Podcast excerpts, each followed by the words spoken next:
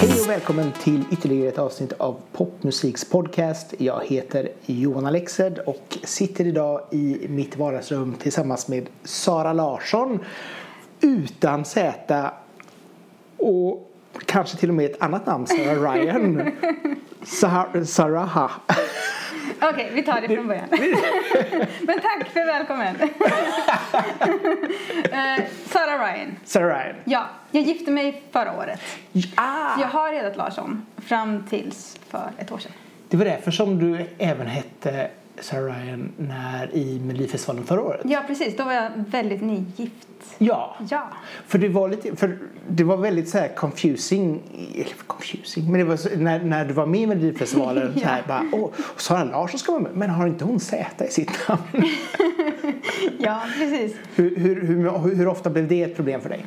Nej, men inte sådär jätteofta. Alltså, det, det är väl inte riktigt samma värld riktigt. Ja, men några förvirringar har det blivit. Ja. Eh, Men inget som har liksom eh, varit förstörande eller så. Samtidigt så är det väl ditt artistnamn? Ja, Saraha. Ja, Saraha. Där satt den. Ja.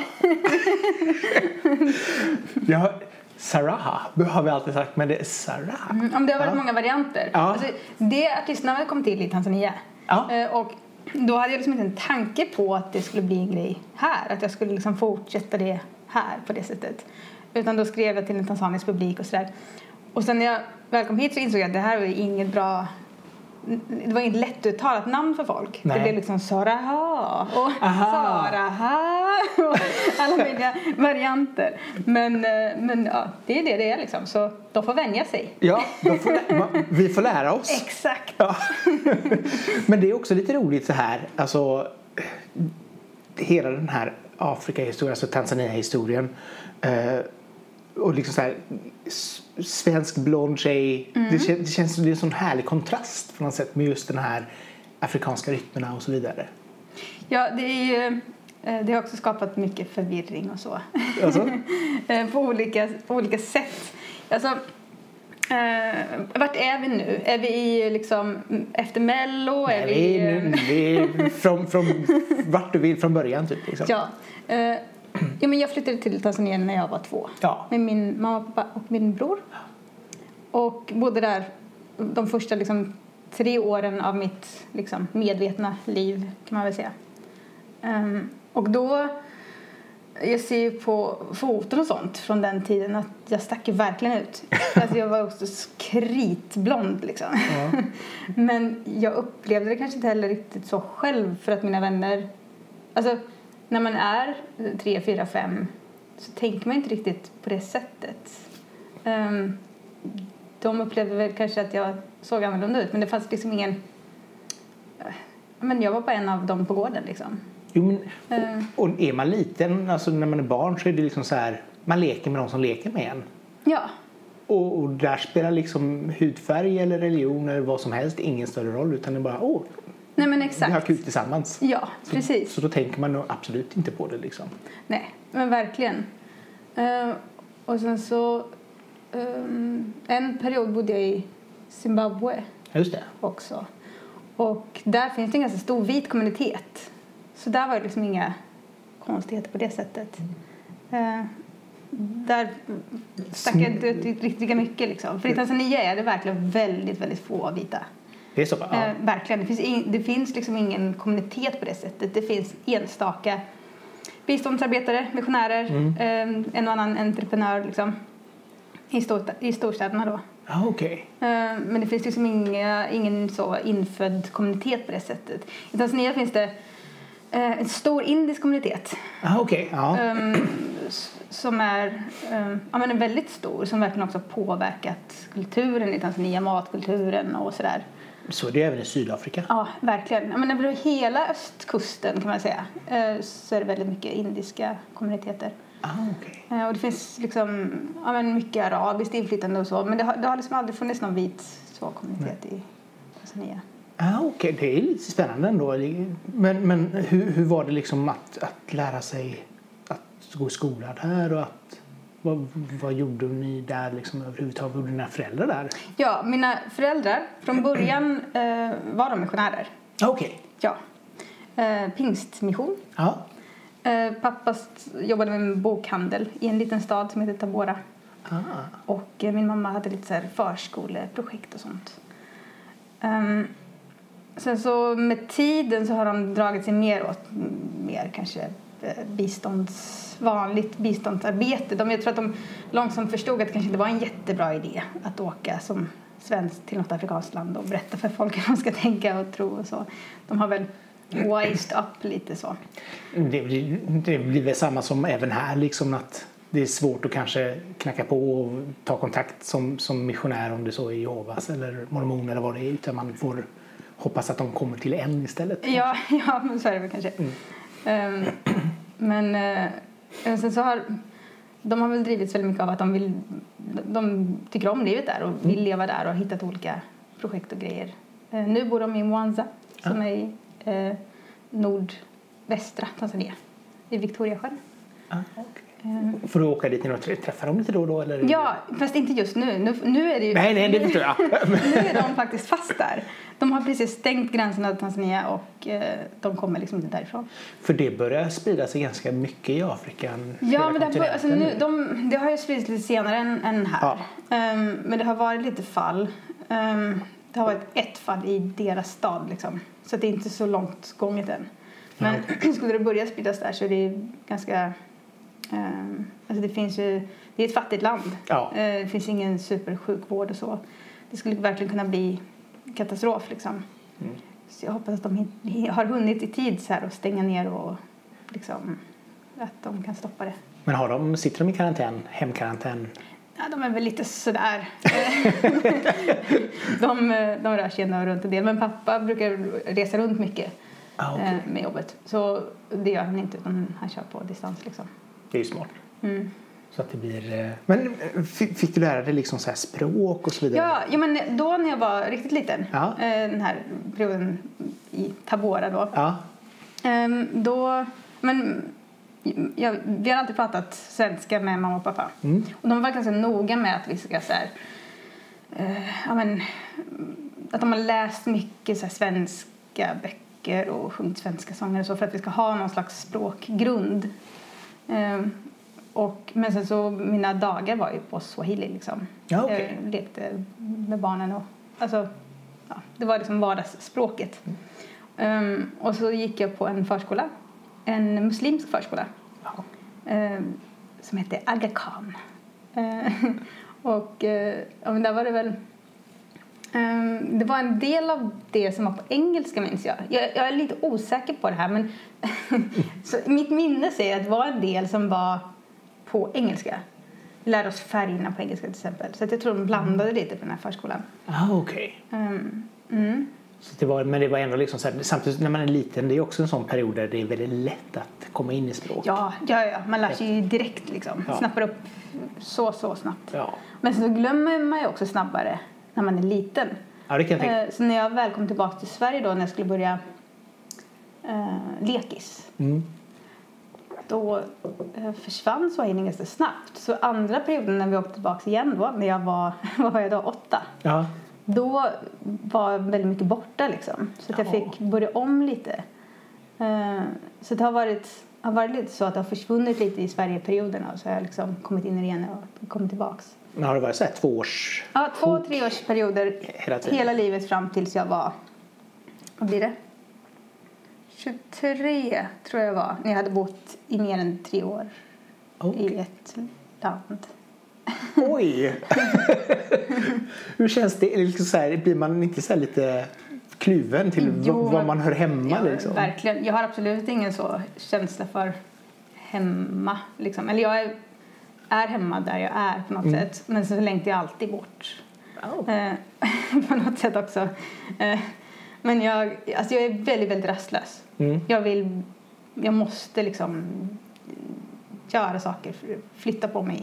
Liksom, Har du något, har du något drömmål som du vill åka till? Liksom, eller drömland liksom, som du känner att åh, det vill jag uppleva? Alltså det är väl... Det är väl alltså just resandet. ehm, är väl en sak. Där finns det massa platser jag skulle Mm. vilja se liksom, i världen. Men, eh, men att bo är en annan sak. Ja, det kan jag tänka. Det är väldigt svårt det där. Eh, det finns massa ställen jag skulle kunna tänka mig att bo på. Eh, men eh, eh, jag kan ofta längta till att flytta tillbaka till Tanzania igen. Eh, men det, det är lite svårt alltså att, att bygga ett, ett liv i ett riktigt fattigt land. Det kan tänka mig. Eh, Det är svårt för alla som, som bor i fattiga länder att, um, att liksom få det att funka. Och, alltså det är svår, ett svårare liv. Mm. Och jag har den möjligheten att, eh, att vara någonstans där det finns andra typer av tillgångar och möjligheter. Liksom. Och även om jag kan tycka att det är, är långa vintrar och så så finns det ändå eh, vissa saker som gör det lättare att bo här. Liksom. Ja, du har ju liksom både det här alltså sociala skyddsnätet som finns i Sverige som är helt otroligt. Ja, men just men också som du säger det här med, med årstider och att det faktiskt är en, det är en variation. Liksom. Det är inte bara antingen jättevarmt hela tiden eller jättekallt hela tiden utan det är verkligen Alltså, det är inte så jättelänge det är varmt här. det är väl sant. Men det är ju ändå inte, det är ju ändå några, några, några ett par månader i alla fall. Ja, och de är fantastiska. Ja. Verkligen. Jag skulle gärna eh, leva här under det varma halvåret. Ja. Och i Tanzania över vinter. De riktigt mörka månaderna liksom. Eh, det skulle Det- vara det ultimata tror jag. Det är nog en ganska bra kombination. Ja. Ja, Så- verkligen. Eh, ja, nej, men vi får se vart du hamnar då. För det känns, men känner du dig som att du just nu känner du dig hemma i Sverige liksom? Ja, men det skulle jag nog säga. Nu har jag ändå bott här i, vad är det nu? Fem år? Ja, okej. Något sånt. Så att jag är väl ganska... Eh, ja, det känns väl som att jag bor här nu. I alla fall. I alla fall just nu. Och du bor i Göteborg hörde jag. Ja. Ja. Eh, när flyttade du hit? Jo, men eh, det var väl där runt när Mello började hända. Jag bodde i... Alltså jag flyttade från Tanzania Mm. och ehm, hamnade i Vänersborg. För att det var där min familj bodde och så. Ja. Ehm, och eh, så skulle jag plugga klart eh, det jag hade börjat plugga på GU här i Mm. Göteborg. Eh, men eh, ja, så det var när hela den här, alltså innan Mello, när det började dra igång och jag började resa mycket, alltså jag började åka jättemycket till Stockholm. Mm. Och den extra timmen till Vänersborg blev en mäckig pendlingsgrej liksom. Mm. Så då flyttade vi, då hade jag precis träffat min eh, nuvarande man också. Herr Ryan. ja, herr Ryan. eh, så då flyttade vi hit. Eh, av liksom typ praktiska Mm. skäl. Och sen så har vi varit här. Och så efter ett tag hittade vi en lägenhet vi gillar och så, ja, Är ni kvar? nu är vi här. Ja. ja, nej men det är ju liksom så här pendelavståndet Göteborg till exempel Trollhättan är ju ganska smidig nu med, med pendeln och även med bil om man skulle köra det liksom. Ja.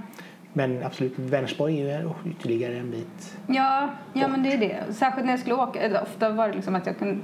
Alltså särskilt under turnétiden sen. Att Mm. jag skulle vara liksom ställen väldigt... Det var väldigt tajt med tid. Jag flängde runt väldigt mycket. Och det gjorde den där lilla sträckan en del.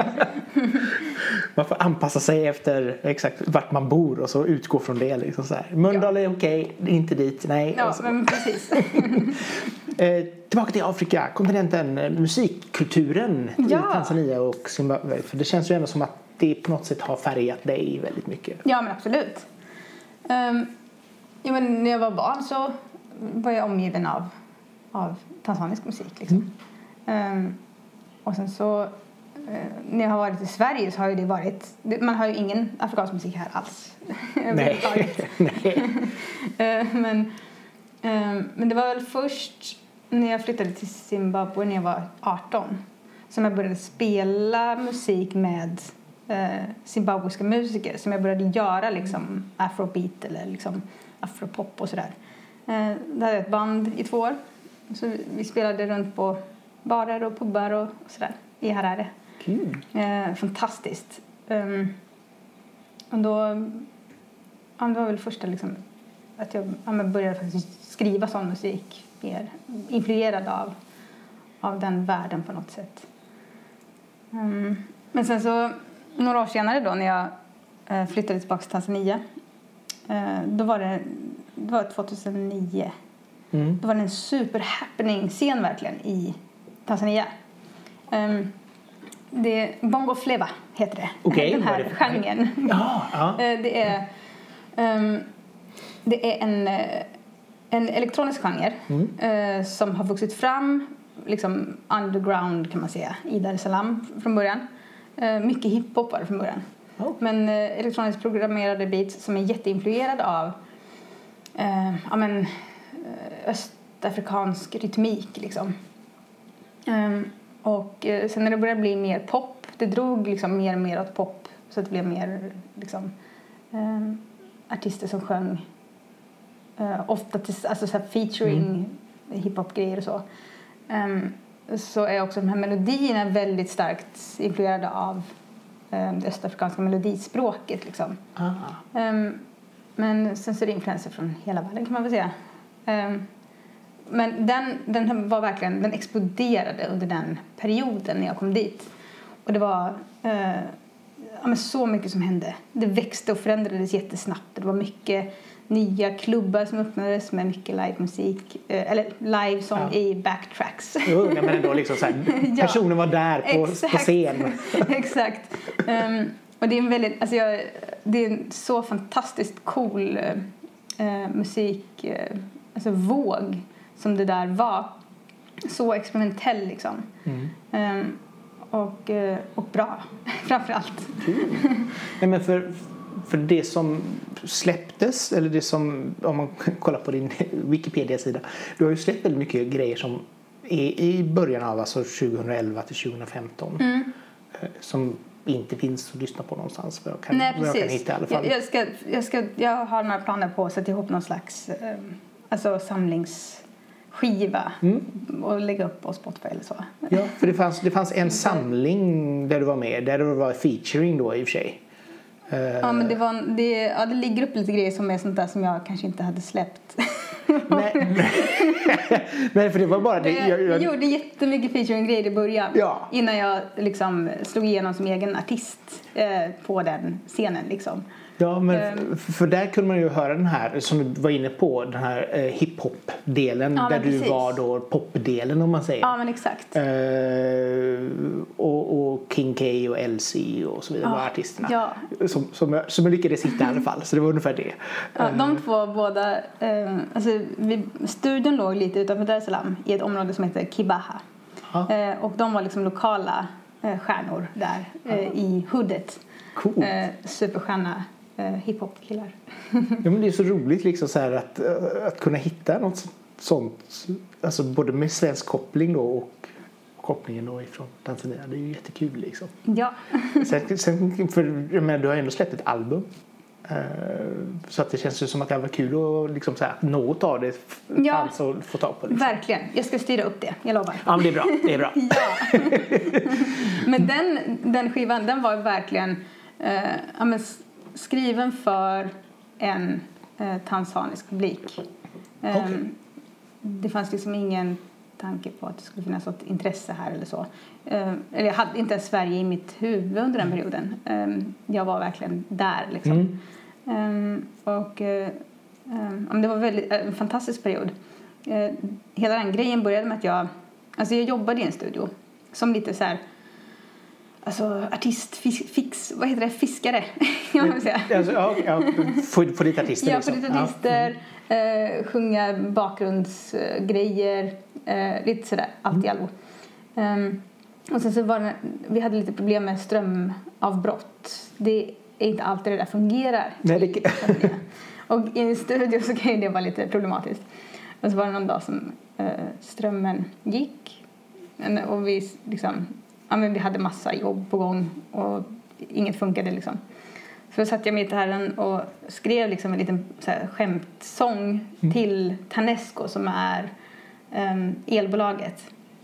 Eh, om att så här, ja, men snälla, snälla, kan ni, kan ni inte sätta på eh, strömmen bara ikväll för att min käraste kommer hit typ. Ah, oh, ja. Eh, och så var det någon, eh, jag menar en kompis eh, som sa men du måste spela in det här, det här är skitbra. Jag bara, men det är bara trams ju.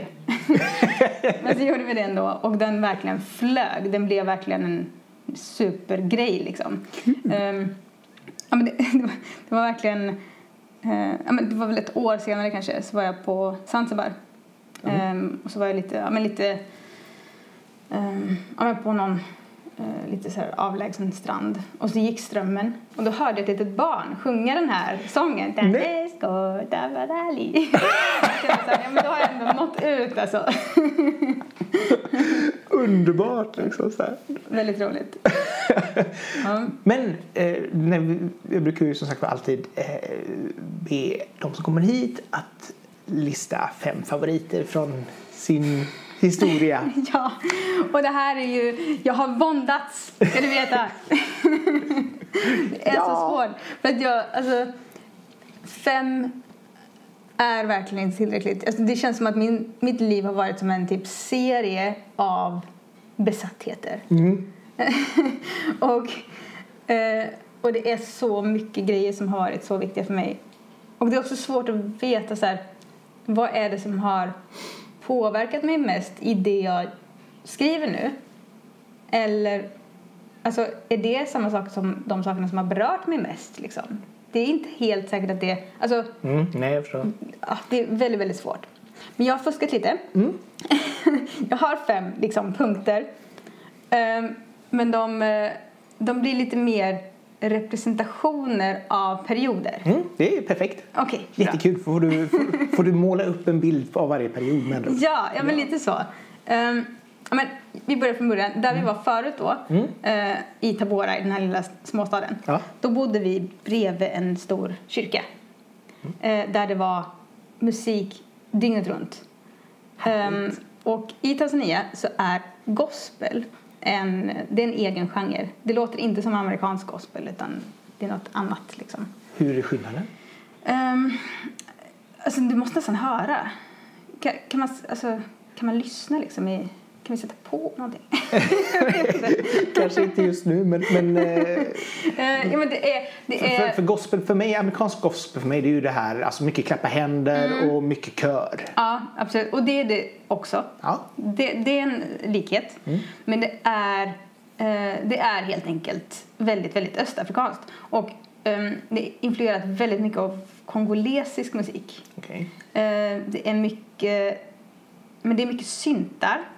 Mycket så här, alltså flört med det här roliga 80-talet. Du vet sån här, Jaha! Gud vad kul! sånt där.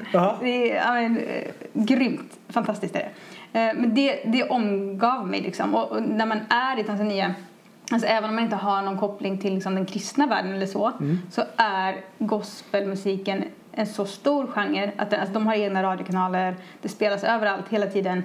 Eh, så, så det liksom blir som ett soundtrack av det har varit ett soundtrack av hela mitt tanzaniska liv kan man säga. Det är lite grann deras country om man ska dra det så. Ja men kanske, kanske, man, kan, ja, men kanske man kan säga. Amerikansk country Ja, liksom. Så. ja men lite så. Ja. Att det är liksom något som bara finns i allas liksom, stomme på något sätt. Gud vad roligt. Eh, så att jag, de, och, och namnet då som jag har satt som den här första punktens namn det är Rose Mohando Okej. som är den största eh, liksom gospeldivan där. Som är fantastisk sångerska. Hon började väl tidigt 2000-tal eh, och har släppt så bisarra mängder musik sedan dess. Kul. Eh, och det är fantastiska grejer.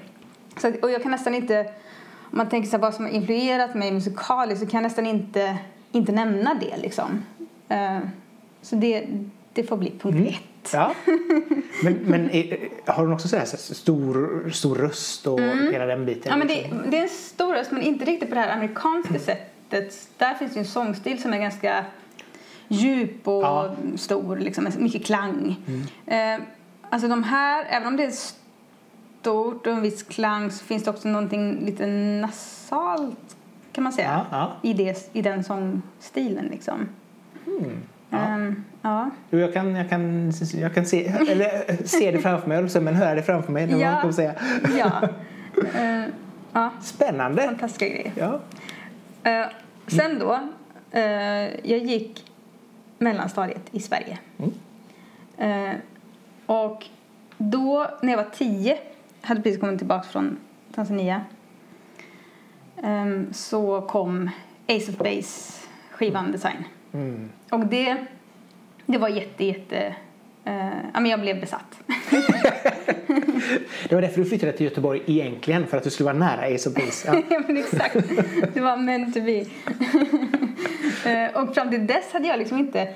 Alltså jag har alltid varit besatt av musik. Alltså innan det, när jag var liten så... Mina föräldrars bästa vänner var um, indier från Tabora. Mm. Uh, så vi umgicks jättemycket med dem. Var där på helgerna och var med på alla deras fester. Firade Diwali varje år och sådär. Men de hade... Um, de liksom importerade hela tiden um, så nyaste poppen från Indien. Så de, de skivorna satt jag och liksom rotade igenom och spelade kassettband, mina favorit indiska poplåtar och sådär. Och jag hade, alltså jag hade um, det var väldigt, väldigt mycket alltså, olika typer av grejer och sen mm. så hörde jag också mycket grejer från, alltså svenska grejer, jag lyssnade på du vet uh, Maros Scocco och Niklas Strömstedt när jag var sju liksom. Ja, ja, ja, vanlig svensk pop liksom. Ja. Men, men när, när men med Ace of Base var första gången jag kände så här, det här är min skiva liksom. Och den var helig och jag lyssnade och lyssnade och lyssnade. Liksom. Och jag tror att där satte sig någon slags popgrund i mig. Mm. Att jag verkligen, alltså de här alltså supermelodiösa grejerna liksom men ändå eh, ja, men så här, lite elektroniskt. Då. För de har också en viss rytm Absolut. i sin musik. Absolut, och de har en del backbeat. Alltså ja. det, är ändå, det finns ändå någonting, någon liten flört med det där på något sätt. Exakt. Um, ja. Så att det blir ju ändå liksom det här rytmiska, som du säger, backbeat, reggae. Ja, ja men exakt. Och under, under samma period som jag lyssnade på Base så lyssnade jag jättemycket på Bob Marley också. Ja, okay, ja. I mellanstadiet liksom. Mm. Så, ja, det fanns väl någon sån grej där. Alla har nog en sån här Bob Marley-period i sina ja, liv. Det känns exakt. som att det inte finns någon människa som inte liksom så här... Nej, det är oundvikligt liksom. och jag kan fortfarande tycka att alltså, Bob Marleys tidiga grejer är fantastiska liksom. Mm. Verkligen. Bob Marley. Um, Ja. ja. Ace of Base alltså. Ja, ja kul. Ace of Base. Sen kom vi då till, uh, ja det var en massa grejer däremellan men när jag gick på gymnasiet mm. då var jag återigen i Sverige. Um, och jag var uttråkad tonåring i Vänersborg och hängde väldigt mycket på biblioteket där. Som man lätt kan bli i Vänersborg? Ja, jag var, väldigt, eh, jag, var, ville, jag var hungrig på livet liksom. Ja, ja. Och det hände inte jättemycket. Så jag hängde jättemycket på biblioteket och där hade de liksom en hel vägg med skivor mm. som man kunde låna. Så jag gick dit och lånade liksom, ja, tio skivor i veckan. Liksom. Var alltid för sen och lämnade tillbaka. Och bibliotekarien var jättesnäll och så skrev av mina skulder hela tiden. Oh. Väldigt fint. Um, men um, då upptäckte jag The Beatles. Ah. Och kastades in i 60-talet. Alltså Help kan man säga var liksom min, eh, vad ska man säga, det som ledde mig in i hela 60-talet. Och eh, det var som att, jag vet, inte, jag vet inte vad det var med den här skivan, eh, men jag blev totalt, totalt besatt. Kollade på anthology-videos och alltså allt. Och och jag lyssnade på något sätt. Det blev automatiskt så att jag lyssnade lite kronologiskt. Att jag började med de här tidiga grejerna ja. och så följde jag liksom med dem hela vägen fram genom deras psykedeliska period och liksom hela vägen till slutet. Och under den tiden så spretade det ut i, alltså när jag lyssnade på de här superpoppiga tidiga grejerna mm. så upptäckte jag liksom The Monkeys och allt det där ah, liksom, ja, ja. Eh, som är så här supermelodiöst och underbart. och, och sen i den psykedeliska perioden kom jag in i mer Alltså hela den världen med så Cream och psykedelisk mm. rock och sånt. Eh, och sen hade de väldigt mycket också indiska influenser. Ja, verkligen. Den delen var ju verkligen eh, fantastisk. Mm. och, eh, och sen så genom och då, alltså, de hade ju sin hippieperiod och det öppnade ju upp till liksom Woodstock och jag lyssnade på Janis Joplin och allt det där och mycket Dylan och eh, så att från att jag var typ 16 till 18 eh, kanske så levde jag i 60-talet. Eh, verkligen totalt musikmässigt. musikmässigt.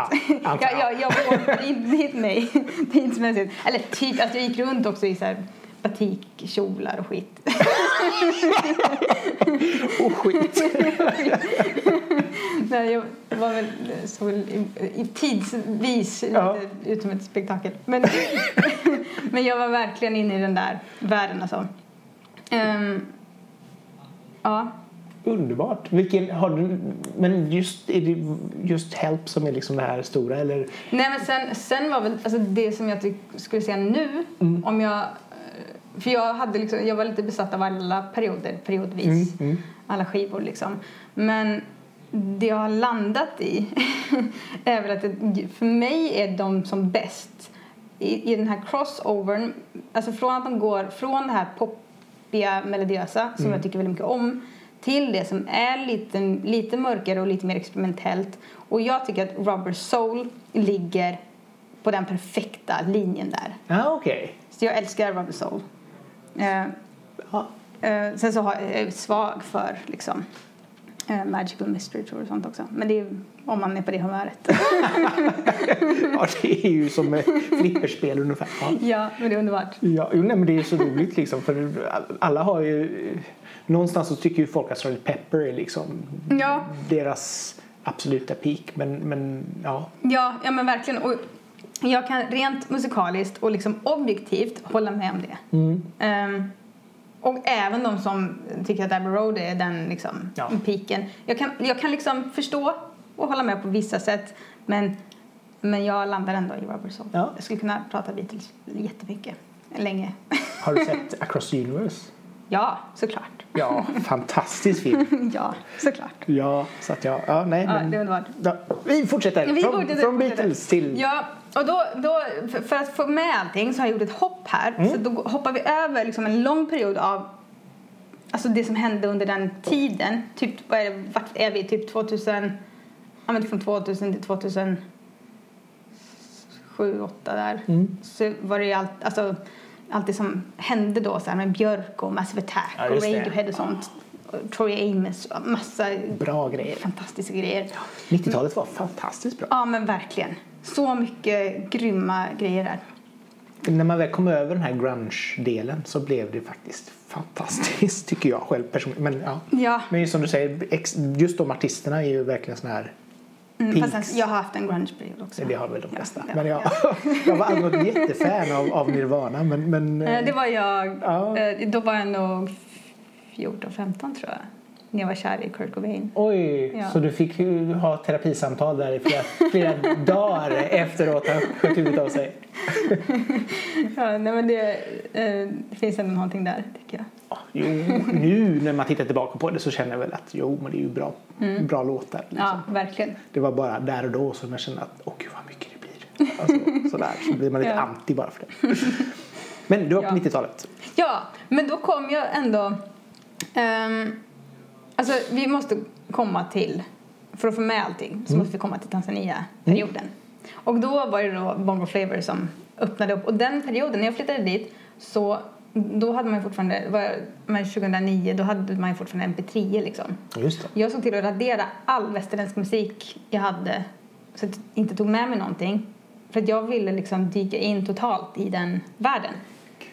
Ehm, det låter lite som ett konstigt beslut men jag vet inte, det kändes då som att det behövdes på något sätt. Att jag ville så här, verkligen vara i den eh, musikaliska sfären på något sätt. Och, och samtidigt om det var västerländsk musik som var den stora nere i Tanzania så hade det ändå blivit det du hade fått där också. Ja, precis. Men, ja, exakt. Men det, det var väldigt lite som kom...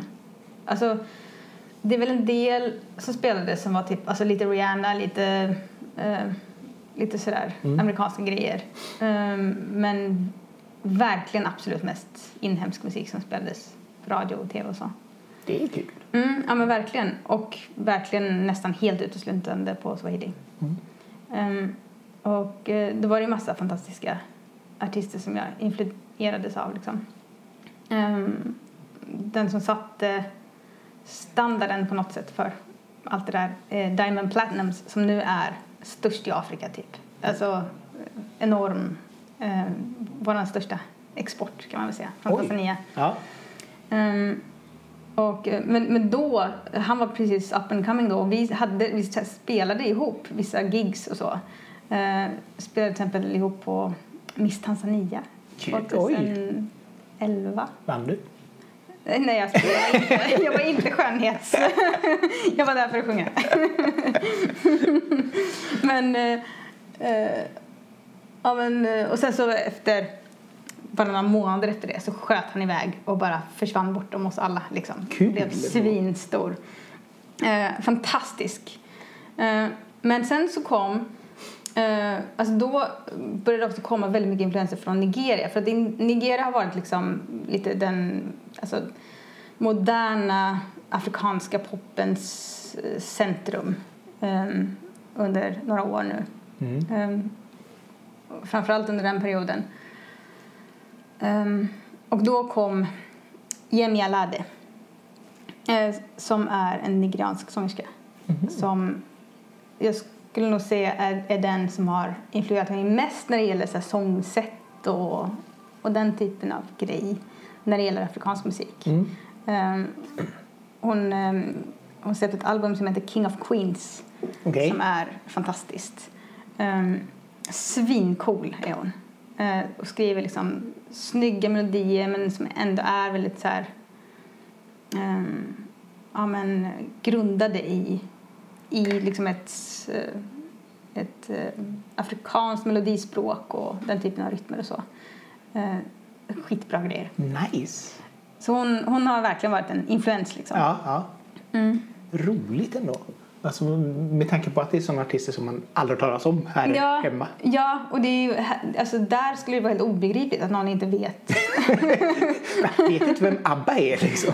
ja, men lite så. Åt det hållet liksom. Eh, verkligen, verkligen. Det är ju någon stor mur där. Men nu på senare år har ändå, alltså särskilt Nigeria och lite Ghana, har smugit sig in i den amerikanska eh, musikvärlden. Mm. Varit en del features och sånt och det har influerats eh, eh, jättemycket i västerländsk musik. Det är kanske inte så många som förstår den kopplingen men det är jättemycket som har, har liksom kommit den vägen.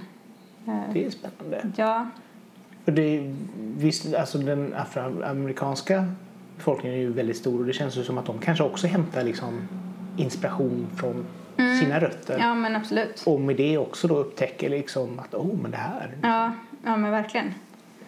Ehm, så att, alltså jag skulle säga att den här vågen av afrobeat de senaste tio åren, framförallt då från Nigeria, Mm. eh, är väl den, den största liksom, musikpåverkan Afrika har haft på resten av världen eh, hittills. Liksom. Kul.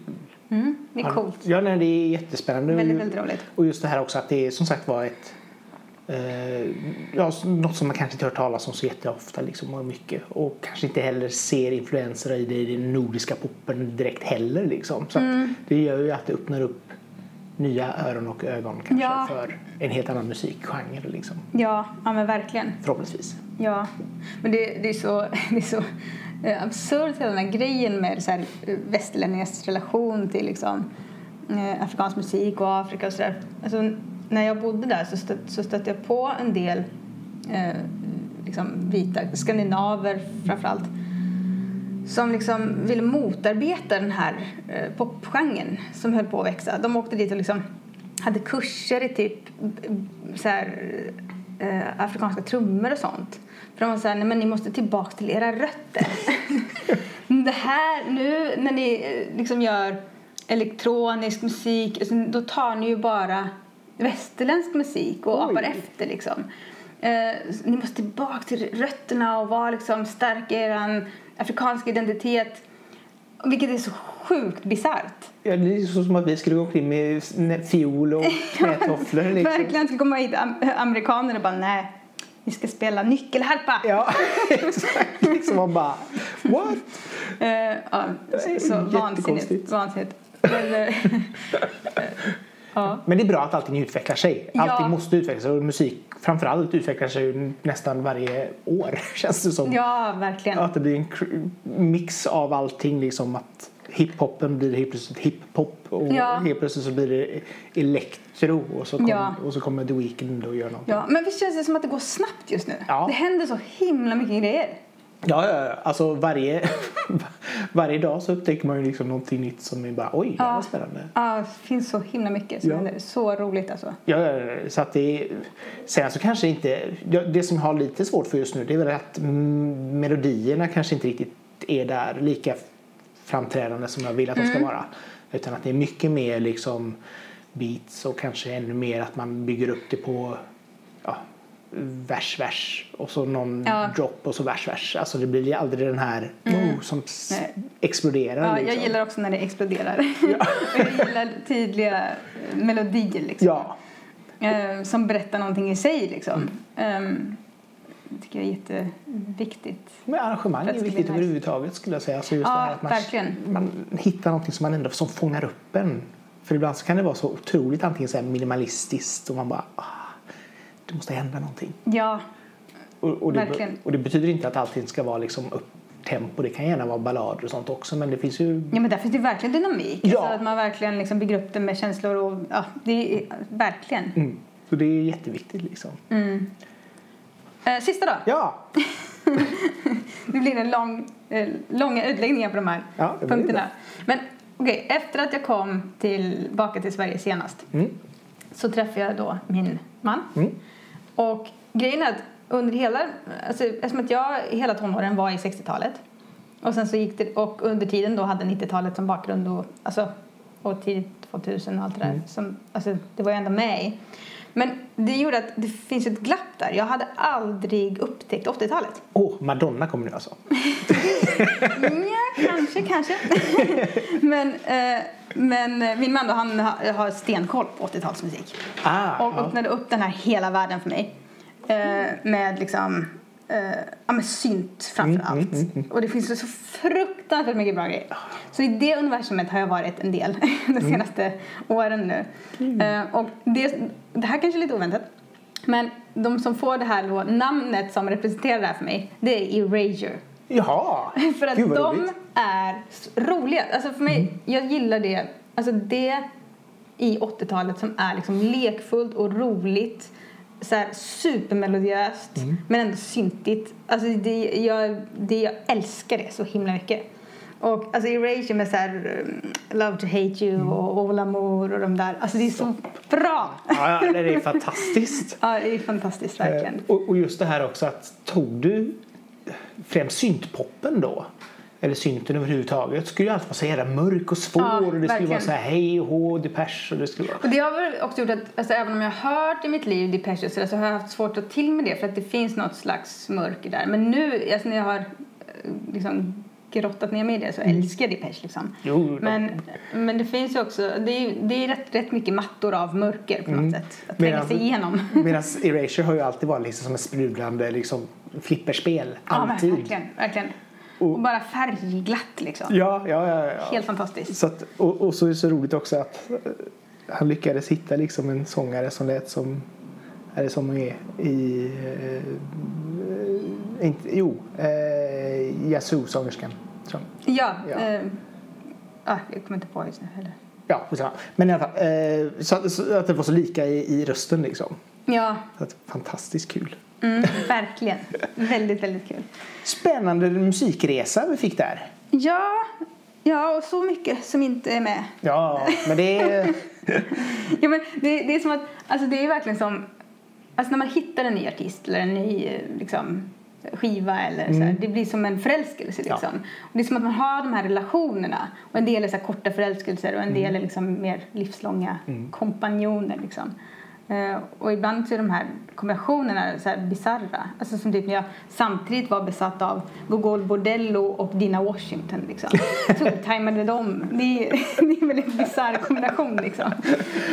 Men samtidigt så är det väl skönt också för mycket så handlar det ju om, om skiva eller låt. Alltså du hittar en Mm. låt och bara åh det här är bra och då spelar det liksom ingen roll vad den andra lyssnar på eller det andra lyssnar Nej. på liksom. Nej men precis. Så att det ska ju vara, men som du säger man kommer väl in i en period där allting formas efter ungefär samma tar du Massive Attack och så Tricky och så har du lite andra som är Mm. lite så här åt det hållet liksom. Ja.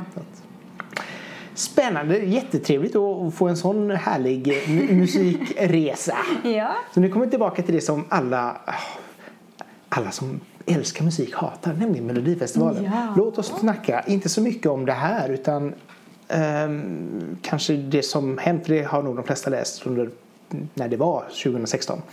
Eh, men vad hade du för förväntningar efter Melodifestivalen?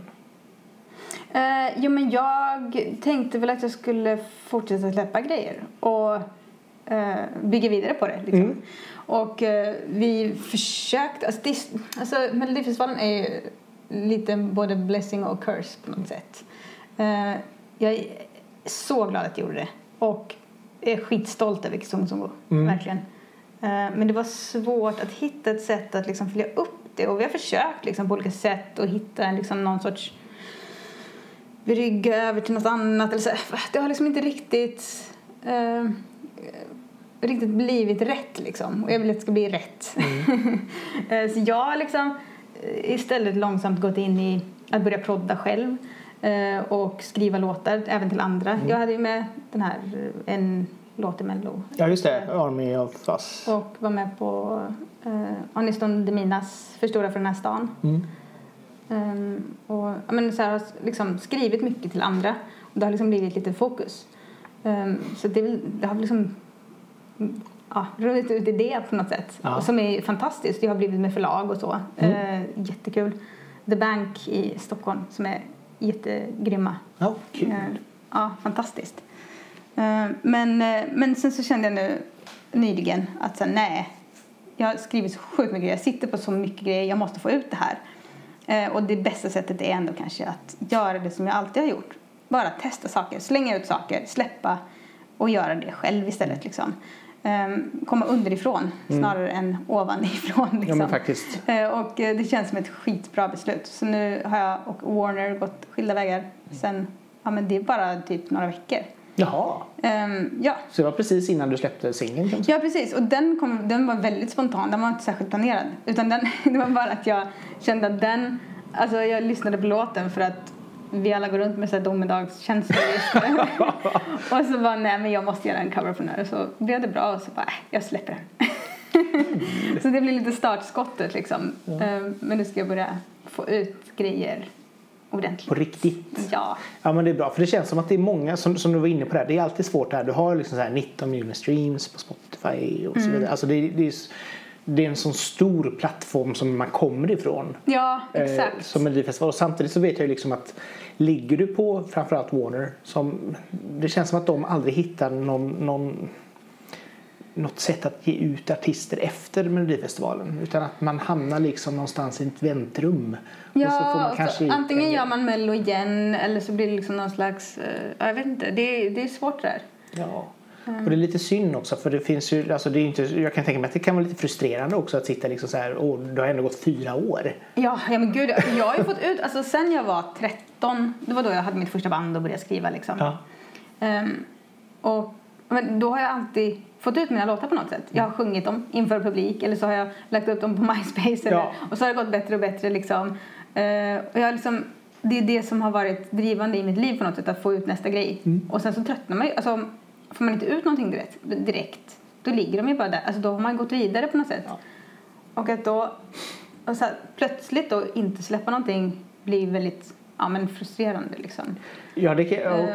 och, och om det ändå har tagit så pass lång tid också så blir det ju ännu mer att det, det du har gjort 2016 eller 2017 kanske inte är jätteintressant att släppa idag. Liksom. Nej men exakt, verkligen. Eh, som, hade, som kändes svinbra då liksom. Eh, så är det verkligen. Men samtidigt så nu har ju ändå världen blivit så pass, alltså under hela 10-talet i och för sig, men framförallt de senaste åren det här att vem som helst kan ju ge ut vad som helst när som helst. Precis. Och det blir ju väldigt... Var det därför som du, du valde att starta ditt eget skivbolag också för att verkligen bara fokusera på dig eller vill du fokusera på andra saker där också? Andra artister och hjälpa till att ge ut dem eller är det... Alltså inte i det här läget. Nej. Utan det är mest, framförallt för att liksom få ut mina grejer. Mm. Eh, sen får man få se vad som händer i framtiden. Jag är öppen för allt liksom. Ja, skivbolagsdirektören här. eh, namnet på skivbolaget som jag inte ens tänker försöka uttala utan det kan du få lov att göra. Så Ja, Rhizome eh, Records. Rhizome. Eh, Rhizome, Mm. eh, alltså det är ett eh, akademiskt begrepp kan man väl säga av, eh, som eh, skapades av Deleu- Deleuze och eh, Guattara, eh, filosofer. Mm. som det är svårt att sammanfatta det här men, men när jag, jag skrev min, min C-uppsats i konst så använde jag dem mycket. Ehm, och man kan säga så här, alltså ett rhizom är rotsystemet som finns på, på vissa typer av växter, som typ ingefära. Ja. Eh, där eh, rötterna liksom inte går eh, liksom direkt ner i marken utan är som ett nätverk. Att, alltså varje punkt i rotsystemet kan liksom knytas till vilken annan punkt som helst. Att det blir mer som ett nät liksom. Och det här applicerar de då på sättet att tänka på verkligheten. Och, och man kan applicera det på väldigt mycket olika saker liksom. Ehm, och äh, det, det, fång, det fångar verkligen mig. Ja, alltså, ja. Att, att inte tänka så, eh, så liksom, ty, som den här klassiska kun, kunskapsträdet som växer upp liksom. Eh, där allting, en sak följs av en annan. Utan jag tror att alltså, i mänskliga relationer och i musik och konst och allt som omger oss i världen liksom, så kan man förklara eh, saker bättre genom att tänka att saker har mycket mer avancerade kopplingar till varandra. Liksom. Det, Ehm. Okej, det är ko- exakt kopplingarna. Eller, Ja, det är svårt, det är svårt att prata om det här utan att använda händerna eller Nej, ja. teckningar. Eller. Nej, men liksom så här, nä, tänk ett nät liksom. Allting, allting sitter ihop och allting har en mening men också... Ja, Ja. ja. men precis. Och eh, nej, men så jag har liksom... Eh, jag, har, jag bara gillar också eh, ordet. Det är Mm. väldigt snyggt. Så därför tog jag det som Rhizom. skivbolagsnamn. Ja, är... eh, som sagt du var lite grann inne på R.E.M-covern där att du kände att den var en, passade bra för perioden just nu. Ja, Hur jobbar ni fram versionen?